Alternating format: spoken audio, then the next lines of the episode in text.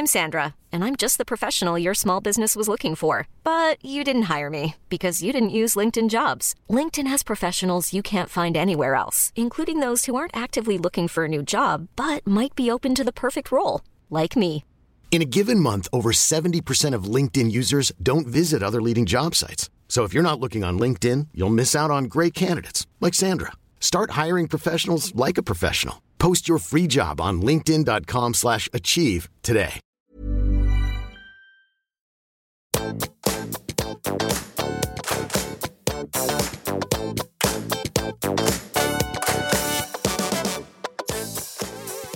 alle sammen, og velkommen tilbake til podkasten Karriereveiledning med Elaine. Ukes episode, det er bare meg. Altså, dere veit at jeg elsker å ha gjester. Jeg elsker også å få lov til å holde på med forskning, eh, finne godbiter til dere, sette sammen teorier, modeller, eh, forskning altså, ja, fra ulike fagfelt. Eh, sånn at du som lytter kanskje kan få en aha-opplevelse, noe inspirasjon, få noen tips eller noe du kan plukke opp som du kan ta med deg på din karrierereise og i livet generelt. Um, og i dag så skal jeg by på noen hacks. Den her blir kort, short and sweet. Men er det ikke ironisk at vi liksom i det moderne samfunnet med så sjukt med informasjon, verktøy, tester Altså vi har aldri hatt så mye gadgets og mulighet til å finne ut av oss sjøl og få biometric feedback og alt vi kan bruke for å finne ut av hvem vi er. Så er det samtidig så vanskelig å navigere i hvem er jeg, hva kan jeg, hva vil jeg. Og enten du jobber deg gjennom den daglige what to do-lista di, eller om du jobber med noe som er meningsfullt, eller om du står utenfor arbeidslivet og, og holder på med noe annet f.eks., eller har en, en, annen type karriere, det fins jo mange måter å ha en karriere på, så blir mange av oss så himla lett distrahert vi nummer, vi distraherer oss sjøl, vi hopper fra det ene til det andre. Hjernen blir rett og slett overstimulert til tider. Så blir man irritert på seg sjøl for at det har gått tre timer med å sitte på Mac-en, se på en film, holde på å tulle og tøyse. Nå sier jeg det med kjærlighet og glimt i øyet. Og i tillegg til at vi blir distrahert, som gjør at det blir mye støy for oss, eh, så vi ikke klarer å høre oss selv eh, tenke eller føle, så er det sjukt mange som jeg har møtt på, inkludert meg selv tidligere, som fake rester. Ok? Kanskje du er en fake rester, eller kan identifisere noen som er en fake rester.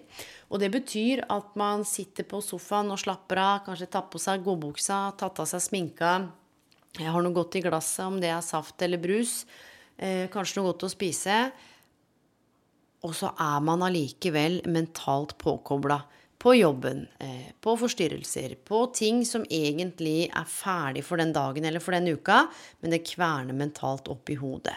Det frigjør ulike kjemikalier som også kan produsere stress. I tillegg så har jeg jobba med mye fine folk som også fake-rester. Hele familien sitter og slapper av. Um, og den ene løper rundt og liksom rydder og ordner i pysjbuksa. Liksom fake-rester. Så er det én ting jeg har lyst til å starte med å si, det er sørg for uh, å hvile når du hviler, og sørg for å gjøre ting når du gjør ting, og sørg for å trene når du trener. Og vær bevisst hvor um, den mentale kapasiteten er. Og du, det er jo ikke noe galt i å dagdrømme, vi gjør det hele tiden. Men hvis du sitter og slapper av mens du kjenner at jobben er så presserende, du klarer ikke å slippe telefonen, og du må bare logge deg på mailen din, med mindre det er noe sånt kritisk for samfunnet eller noen andre samfunn eller verdensbildet, så legg merke til eh, hva det stresset eller det uroet dreier seg om, da, som gjør at ikke du kan legge det bort. Så det er liksom det første. Er du en fake rester? Og i hvilken grad lar du deg selv distrahere, eller multitasker du? For forskning viser jo da selvfølgelig at the brain needs rest, altså hjernen trenger å hvile, den trenger å slappe av, og at vi kan holde på med én ting om gangen. Og hallo, jeg har vært en queen av multitasking. Jeg For ti år siden hadde sikkert sånn 17 faner oppe, men det har jeg slutta med.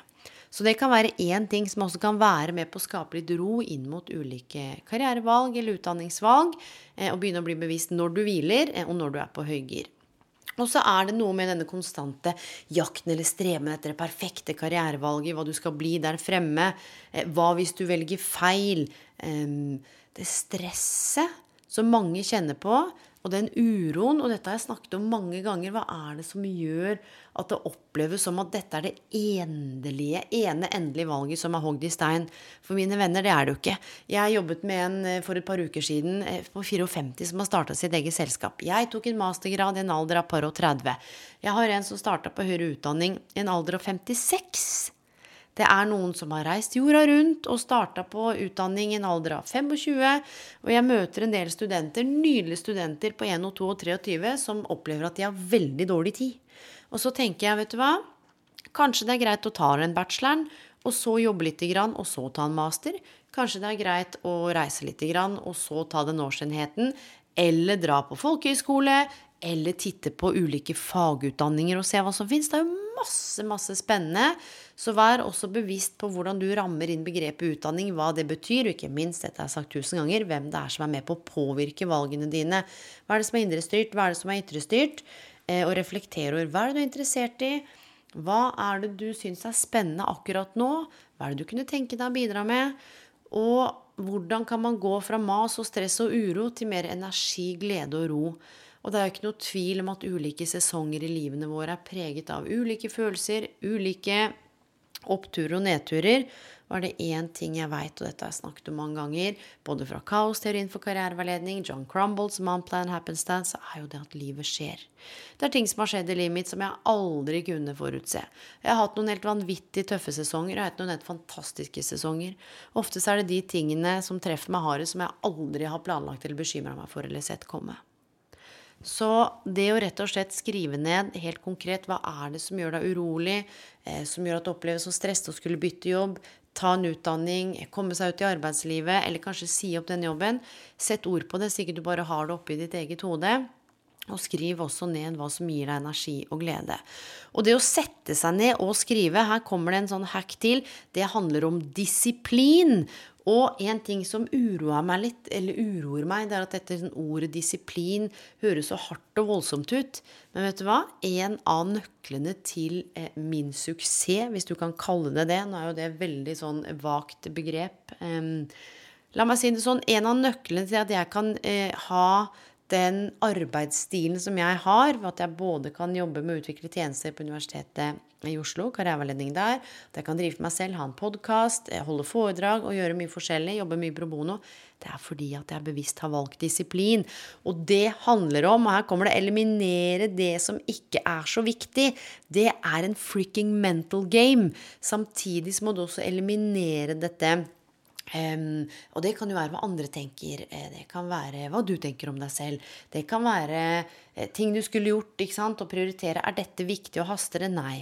Hva er det som er viktig og haster? Det å kunne lage en liste og se hva er det som er viktig å gjøre først. Hvordan kan jeg lage en god plan? Gode målsetninger? Eh, og rett og slett Bestem deg for å si nei så godt det går til sosialt press, og jobbe med emosjonell disiplin også. Det betyr ikke at ikke du skal slippe ut følelsene dine, kjenne på følelsene dine og grine eh, hvis du har lyst til det, eller le høyt, eller ta verdens villeste løpetur for å få det ut men det å faktisk tåle sine egne følelser og øve på emosjonell disiplin. Det betyr å observere og bli bedre kjent med de vanene du har når du begynner å bekymre deg. Når du kjenner at du mangler mental disiplin eller emosjonell disiplin, så da spesielt når det er uhensiktsmessig. For det er jo litt sånn vi tenker åh, dette var en ubehagelig følelse, det må jeg få bort. Men folkens, Følelser er jo en av de viktigste delene vi har med oss inn i livet. Så du kan bare kjenne det i magen noen ganger. Du kan kjenne det i hjertet. Du kan kjenne det, og nakkehåret reiser seg, eller går kaldt nedover ryggen din. Det er en grunn til at følelsene er der. Det er jo vår liksom GPS. Eh, og det er også en interessant bok som er skrevet, nå husker jeg ikke forfatteren, men The Body Keeps the Score som også beskriver hvordan ting lagres i kroppen. Så vi skal ikke løpe fra følelsene våre, vi skal bruke de på en god måte vi når vi står overfor karrierevalg, jobbskifte, valg av utdanning eller andre ting, og tenker hva er det som gjør at jeg kjenner så urolig nå? Hva er det som gjør at jeg kjenner glede nå? Begynne å være nysgjerrig og disiplinert nysgjerrig på både det mentale, men også det emosjonelle. Igjen her begynne å skrive. Så en annen litt av sånn hack, da, som henger sammen med dette med disiplin. Hello! Og det første jeg sa, dette med å eh, holde på med alt mulig og multitaske, det er å prioritere. Og hvis du ikke tar grep og prioriterer, så kan jeg garantere deg at du kommer til å la alle andre prioritere hva som skjer. Og dette her handler jo om hva er det som er utfordrende med å prioritere de tingene som er riktig og viktig for deg. Og da må du jo først finne ut av hva er det som er riktig og viktig for deg. Og da kan vi se på livshjulet. Hvordan står det til med din psykiske helse, fysiske helse? Hvordan er det i kjærlighetsforholdet ditt eller vennskapet din eller nære relasjoner? Hvordan står det til på jobben? Hvordan står det til med økonomien? Hvordan står det til med personlig utvikling eller spiritualitet? Hvordan står det til med hobbyen din? Ta en innsjekk, da. Nå er det fire måneder siden nyttårsaften. Vet ikke åssen det har vært med your New Year's resolutions. Um, jeg er ikke så glad i nyttårsforsett. Men det kan jo være at du har holdt noen. Det kan jo være at du ikke har holdt noen. Og det kan jo være at det handla om mye forskjellig. Og at det kan oppleves overveldende også å prioritere. Fordi det er så mye vi skal få med oss. Og det handler jo da også om Og her kommer det, dette har dere hørt 10 000 ganger, but I'll just bring it on. Jo mer vi tenker på eh, hva vi må gi opp for å si ja til noen, jo lettere blir, altså, blir, det å si nei. Så hvis jeg tenker sånn 'Å, Elaine, har lyst til å være med ut på byen en lørdag', hvis jeg kjenner at jeg har lyst til det, og det gir meg energi og glede, så kan jeg si ja, jeg kan være med ut og spise en god middag, kanskje ta et glass vin. Jeg har ikke tenkt til å danse meg helt eh, kanakas inn til de sene nattetimer. Det er ikke det at jeg har slutta med det, men det er ikke det som gir meg så mye nå.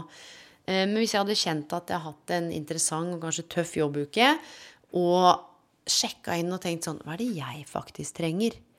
Vent litt nå. Jo, jeg har lyst til å hvile, jeg har lyst til å lese, jeg har lyst til å skrive på boka jeg holder på med, som handler om dette med karriere. Den blir sjukt eh, bra, det kan jeg bare si med en gang. Um, så blir det lettere å si nei.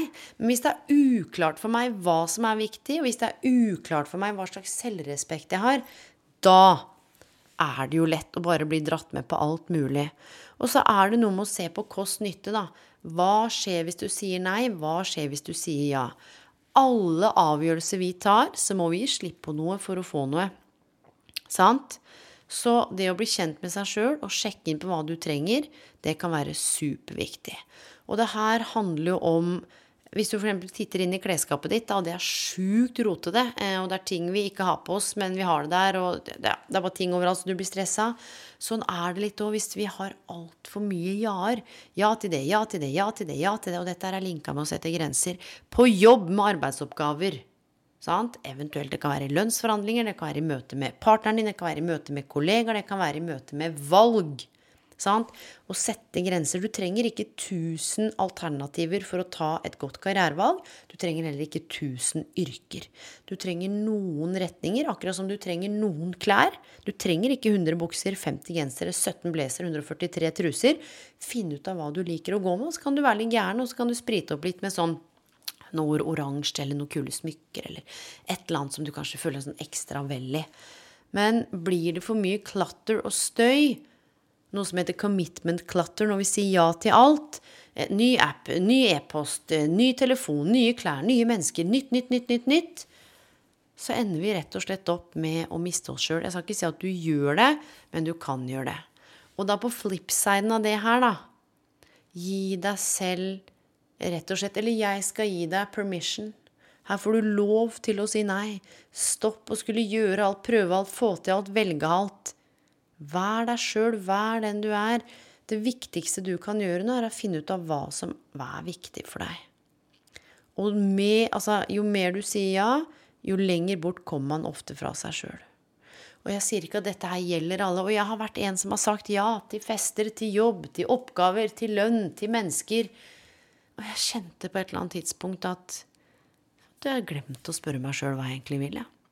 Og da jeg gjorde det, så måtte jeg sette grenser på jobb. Jeg måtte sette grenser med å gå ut. Jeg måtte sette grenser i relasjoner. Og det koster. Og her kommer det en viktig, viktig, viktig nøkkel. Jeg har en oppfatning av at de fleste vet egentlig hva de vil, eller hva de liker, eller hva de er gode på, men så tenker man sånn vet ikke, vet ikke, vet ikke. Fordi, og det er flere ting, men det ene handler om hvem er det du må bli for å finne ut av hva du egentlig vil, og hva er det du må velge bort, eller hvordan må du lære deg å velge for å få akkurat det du vil? Det betyr at du kanskje må gi slipp på frykt, uro, på en, en opplevelse eller en selvoppfattelse. Altså hvordan du ser, tenker og føler om deg selv. Du må gi slipp på hvordan andre ser på deg, som hun flinke, som hun som alltid stiller opp, som hun som får så gode karakterer, som hun som aldri hever stemmen sin, eller som han som alltid sant, stiller opp, eller han som alltid gjør det, eller hen som aldri gjør sånn. Eller hen som aldri gjør det. Hvordan er det du ser på deg selv? Hvordan er det andre ser på deg selv? Det er med på å forme også hvordan vi ser på oss selv. Vi er jo en del av noe mye større. Og det å lære seg å si nei til de tingene som ikke er så viktige, og si ja til de tingene som er viktige, det kommer til å være en deal-breaker. Og det kommer til å være en deal-breaker fordi du kommer til å måtte si ja til noen ganger. Du, av og til så sier jeg ja til ting jeg ikke har lyst til.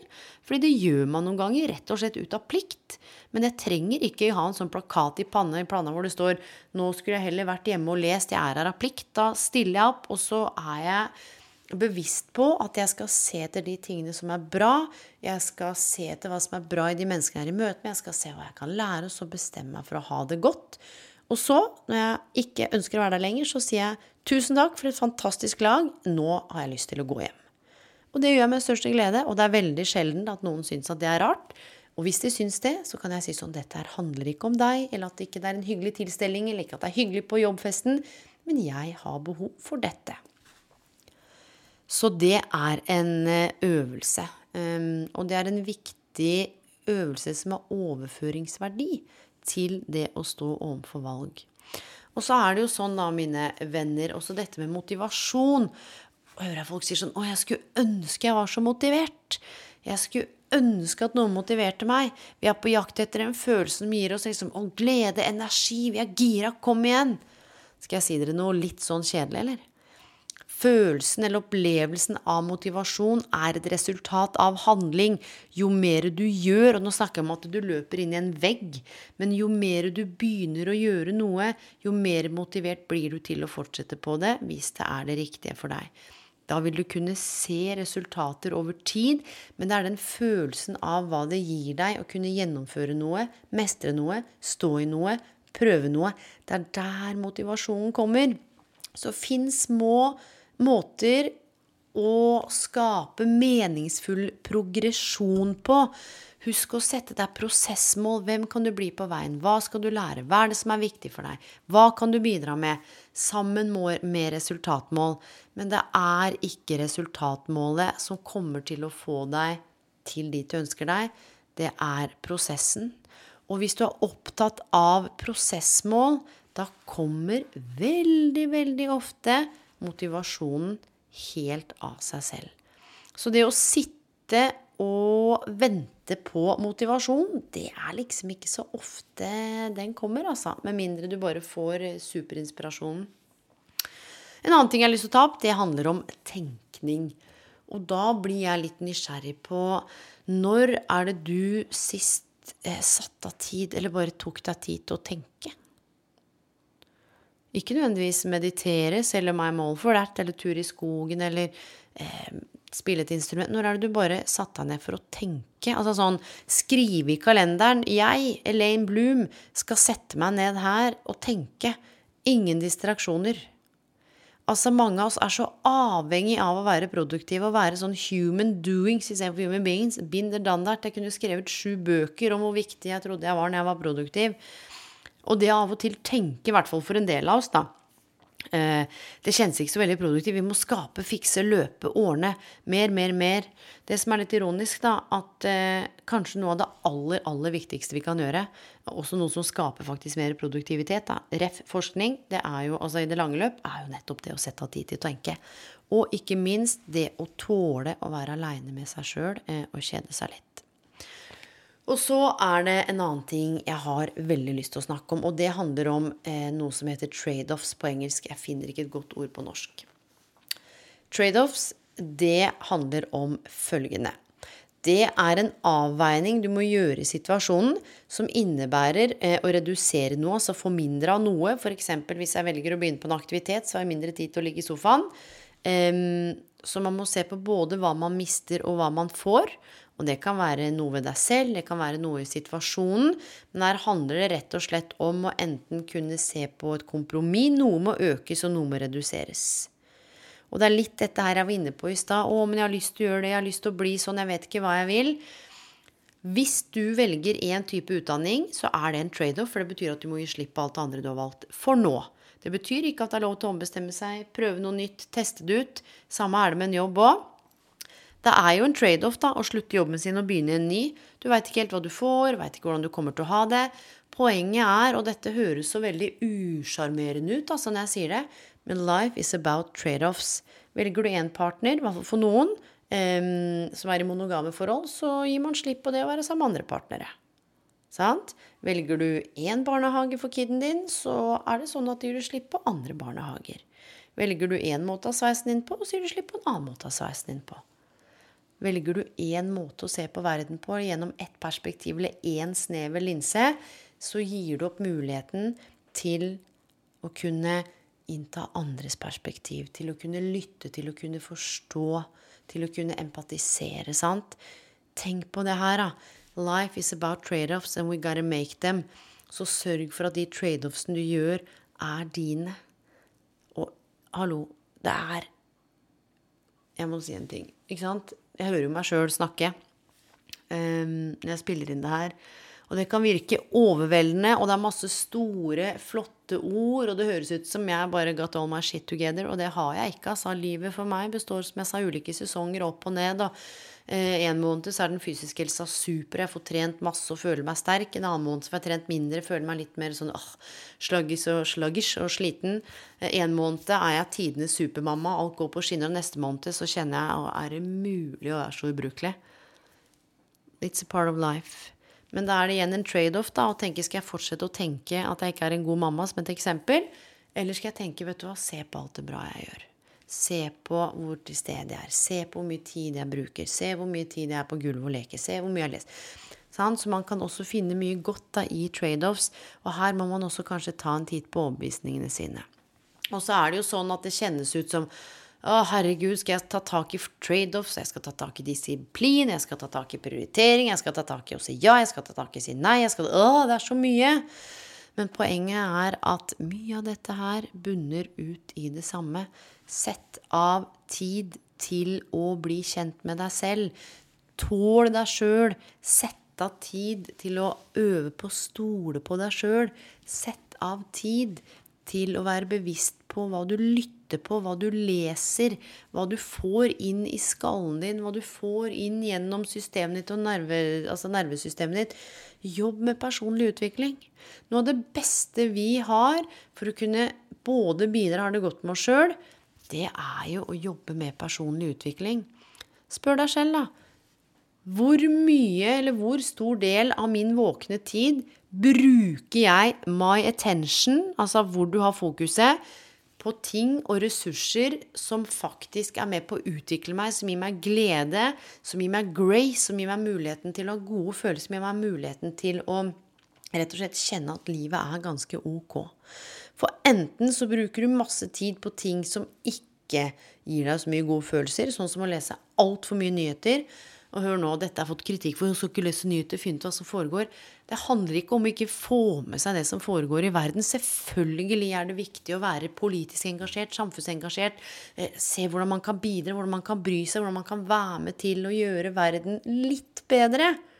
Men det betyr ikke, med mindre det er jobben din, at du skal lese nyhetene 24 timer i døgnet, for forskning viser at man rapporterer om mer uro, mer angst og mer bekymring. Så hvilke bøker er det du leser? Hvilke podkaster er det du hører på? Hvilke mennesker er du rundt? Hvilke valg er det du tar? Så selv om dette her kan virke voldsomt, mine venner, så henger alt sammen med alt. Og her, disse tipsene her er ikke sånn hvis du begynner der Plukk med deg det du kjenner gir eh, mening. Og alt koker ned til det å ta valg. Og jeg elsker jo ord og ordenes opprinnelse og språk. Um, og the word decision, altså fra latin The root of the word decision, altså sis or sid, literally means to cut off. Det betyr at når du går for én type utdanning, så har du valgt bort en annen type utdanning for nå, men ikke for alltid. Kan man ikke tenke mer både og enn svart-hvitt-tenkning, som også er en tankefelle som jeg snakket om på podkasten? At det må enten være sånn eller sånn. Nei, du kan ta et år på folkehøyskole, så kan du reise et halvt år, så kan du eh, begynne på rørleggeren, eller så kan du begynne på et universitet eller en høyskole. Så kan du snakke med en studieveileder, så kan du få gratis karriereveiledning på karriereveiledning.no eller på alle de fylkesvise karrieresentrene. Eller være med på et webinar. Du trenger ikke finne ut av alt med en gang. Og det er det her som Hvordan skal vi kunne vite hvordan de neste 50-60-70 år av livet blir? Det er umulig. Man kan ta noen grep. Og det handler om å se på vanene dine, se på hvordan du tar valg, se på hva du velger bort. Og det er mye som er komplekst. Men hør nå. Begynn å eliminere de tingene du kjenner er feil eller ikke riktig for deg, istedenfor å begynne å finne ut av hva som er det riktige. Jeg sier det en gang til. Start med å eliminere de tingene som, bare, som du skjønner er feil for deg, som du skjønner ikke er riktig, istedenfor å prøve å finne det ene riktige valget. Bruk tid på det, så vil flere av de valgene som kan være riktige for deg, utkrystallisere seg, så vil det komme flere retninger. Men dette her er en inside job.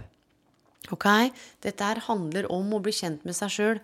Og dette her har jeg snakket om mange ganger òg, med livslang læring. Se på karrieren og utdanningen din som et prosjekt. Og husk å fokusere på de tingene som er bra med deg, som er bra med verden, som er bra med muligheten til å kunne ha friheten til å velge utdanning. Fader, det er jo ikke alle som kan det. Vet du hvor mange som har kjempa for at man skal få lov til å ta høyere utdanning her i Norge, hvor man knapt egentlig betaler noen ting? på en del av universiteter og høyskoler hva er det betalt i semesteret? 700 eller 800 kroner og tilgang til det ene og det andre og det tredje og det fjerde. Så det var brorparten, eller hovedbolken, av det jeg hadde lyst til å dele. Og det siste jeg har lyst til å si, det handler om å reflektere over, og dette har jeg sagt før, hvor er det vi tar valg fra? For det er jo sånn at jeg er jo ikke bare én del, altså Elaine Bloom. Det er bare meg. Jeg består jo av flere deler. Og kanskje du har sagt selv, eller hørt noen si sånn åh, det er en del av meg som er irritert. åh, det er en del av meg som er sliten. Um, her kan det være noe spennende å rett og slett tenke over, fordi det fins, hvis du ser på deg som um, Hva skal vi si for noe? selvfølgelig som, som ett menneske, men med ulike deler. Kanskje det er noen deler der som bærer med seg frykt, skam, ensomhet, angst, tristhet, uro, negativitet.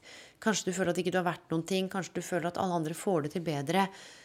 Vær nysgjerrig på hva som skjer hvis det er den delen av deg som står overfor karrierevalg, eller hvis det er den delen av deg som står overfor utdanningsvalg. Og går det an å be en av de delene, eller hvis det er uroen eller usikkerheten eller frykten, går det an å liksom be frykten vente litt og se om det går an å hente fram noen andre følelser som kan være med å velge?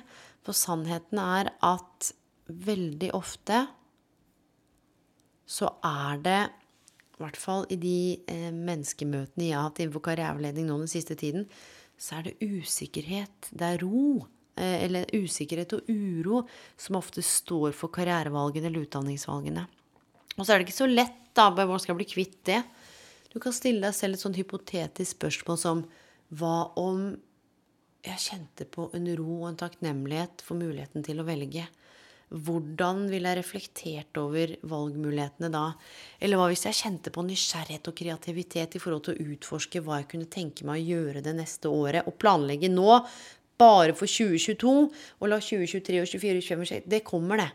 For den fremtiden du ønsker deg, den skaper du nå. Hvordan ville det ha vært hvis nysgjerrighet og kreativitet fikk styre? Og så kunne du sagt frykt, uro, usikkerhet. Jeg kommer aldri til å bli kvitt dere. Eh, I love you guys. Dere er med, men nå må dere i baksetet. Nå er det eh, ro og nysgjerrighet og kreativitet som skal velge. Kanskje det kan hjelpe. Kanskje det, noe av dette kan hvert fall være til inspirasjon. Og hvor enn du er i verden. Det som er så gøy, at det er lyttere fra hele verden. Så ønsker jeg deg en god dag, god kveld, god natt. Og er det noen ting du lurer på, er det noe du ønsker jeg skal snakke om, så send meg en mail på elaine.elainebloom.no. Du finner meg på Instagram, elaine underscore bloom. Jeg blir alltid glad for feedback. Eh, gjerne gå inn og rate podkasten. Eh, jeg tror jeg har spurt om det én gang før. Liker egentlig ikke å spørre om det. Da må jeg ta meg sjøl i nakken. Hvorfor gjør jeg ikke det? For jeg syns det er litt kleint. Hvis du er happy, så er det gull. Del den med noen. Eh, jeg er i hvert fall ekstremt takknemlig for at jeg får lov til å sitte her på kjøkkenbordet um, med penn og papir og masse bøker og forskning Og bruke stemmen min til å dele ting som har vært viktig eh, for meg i min personlige utvikling. Og så er det kanskje én ting av dette, eller en setning, et ord, som blir viktig for deg, eller noen du er glad i.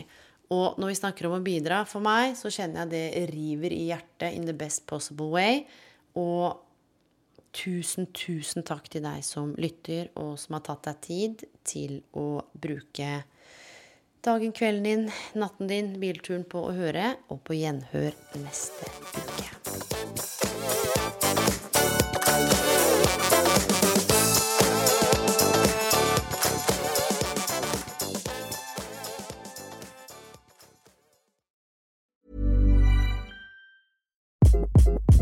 Hi, this is Craig Robinson from Ways to Win, and support for this podcast comes from Invesco QQQ. Invesco QQQ is proud to sponsor this episode and even prouder to provide access to innovation for the last 25 years. Basketball has had innovations over the years, too. We're seeing the game played in new ways every day. Learn more at Invesco.com slash QQQ. Let's rethink possibility. Invesco Distributors, Inc. Planning for your next trip? Elevate your travel style with Quince. Quince has all the jet setting essentials you'll want for your next getaway, like European linen, premium luggage options, buttery soft Italian leather bags, and so much more. And it's all priced at 50 to 80% less than similar brands. Plus, Quince only works with factories that use safe and ethical manufacturing practices. Pack your bags with high-quality essentials you'll be wearing for vacations to come with Quince. Go to quince.com slash trip for free shipping and 365-day returns.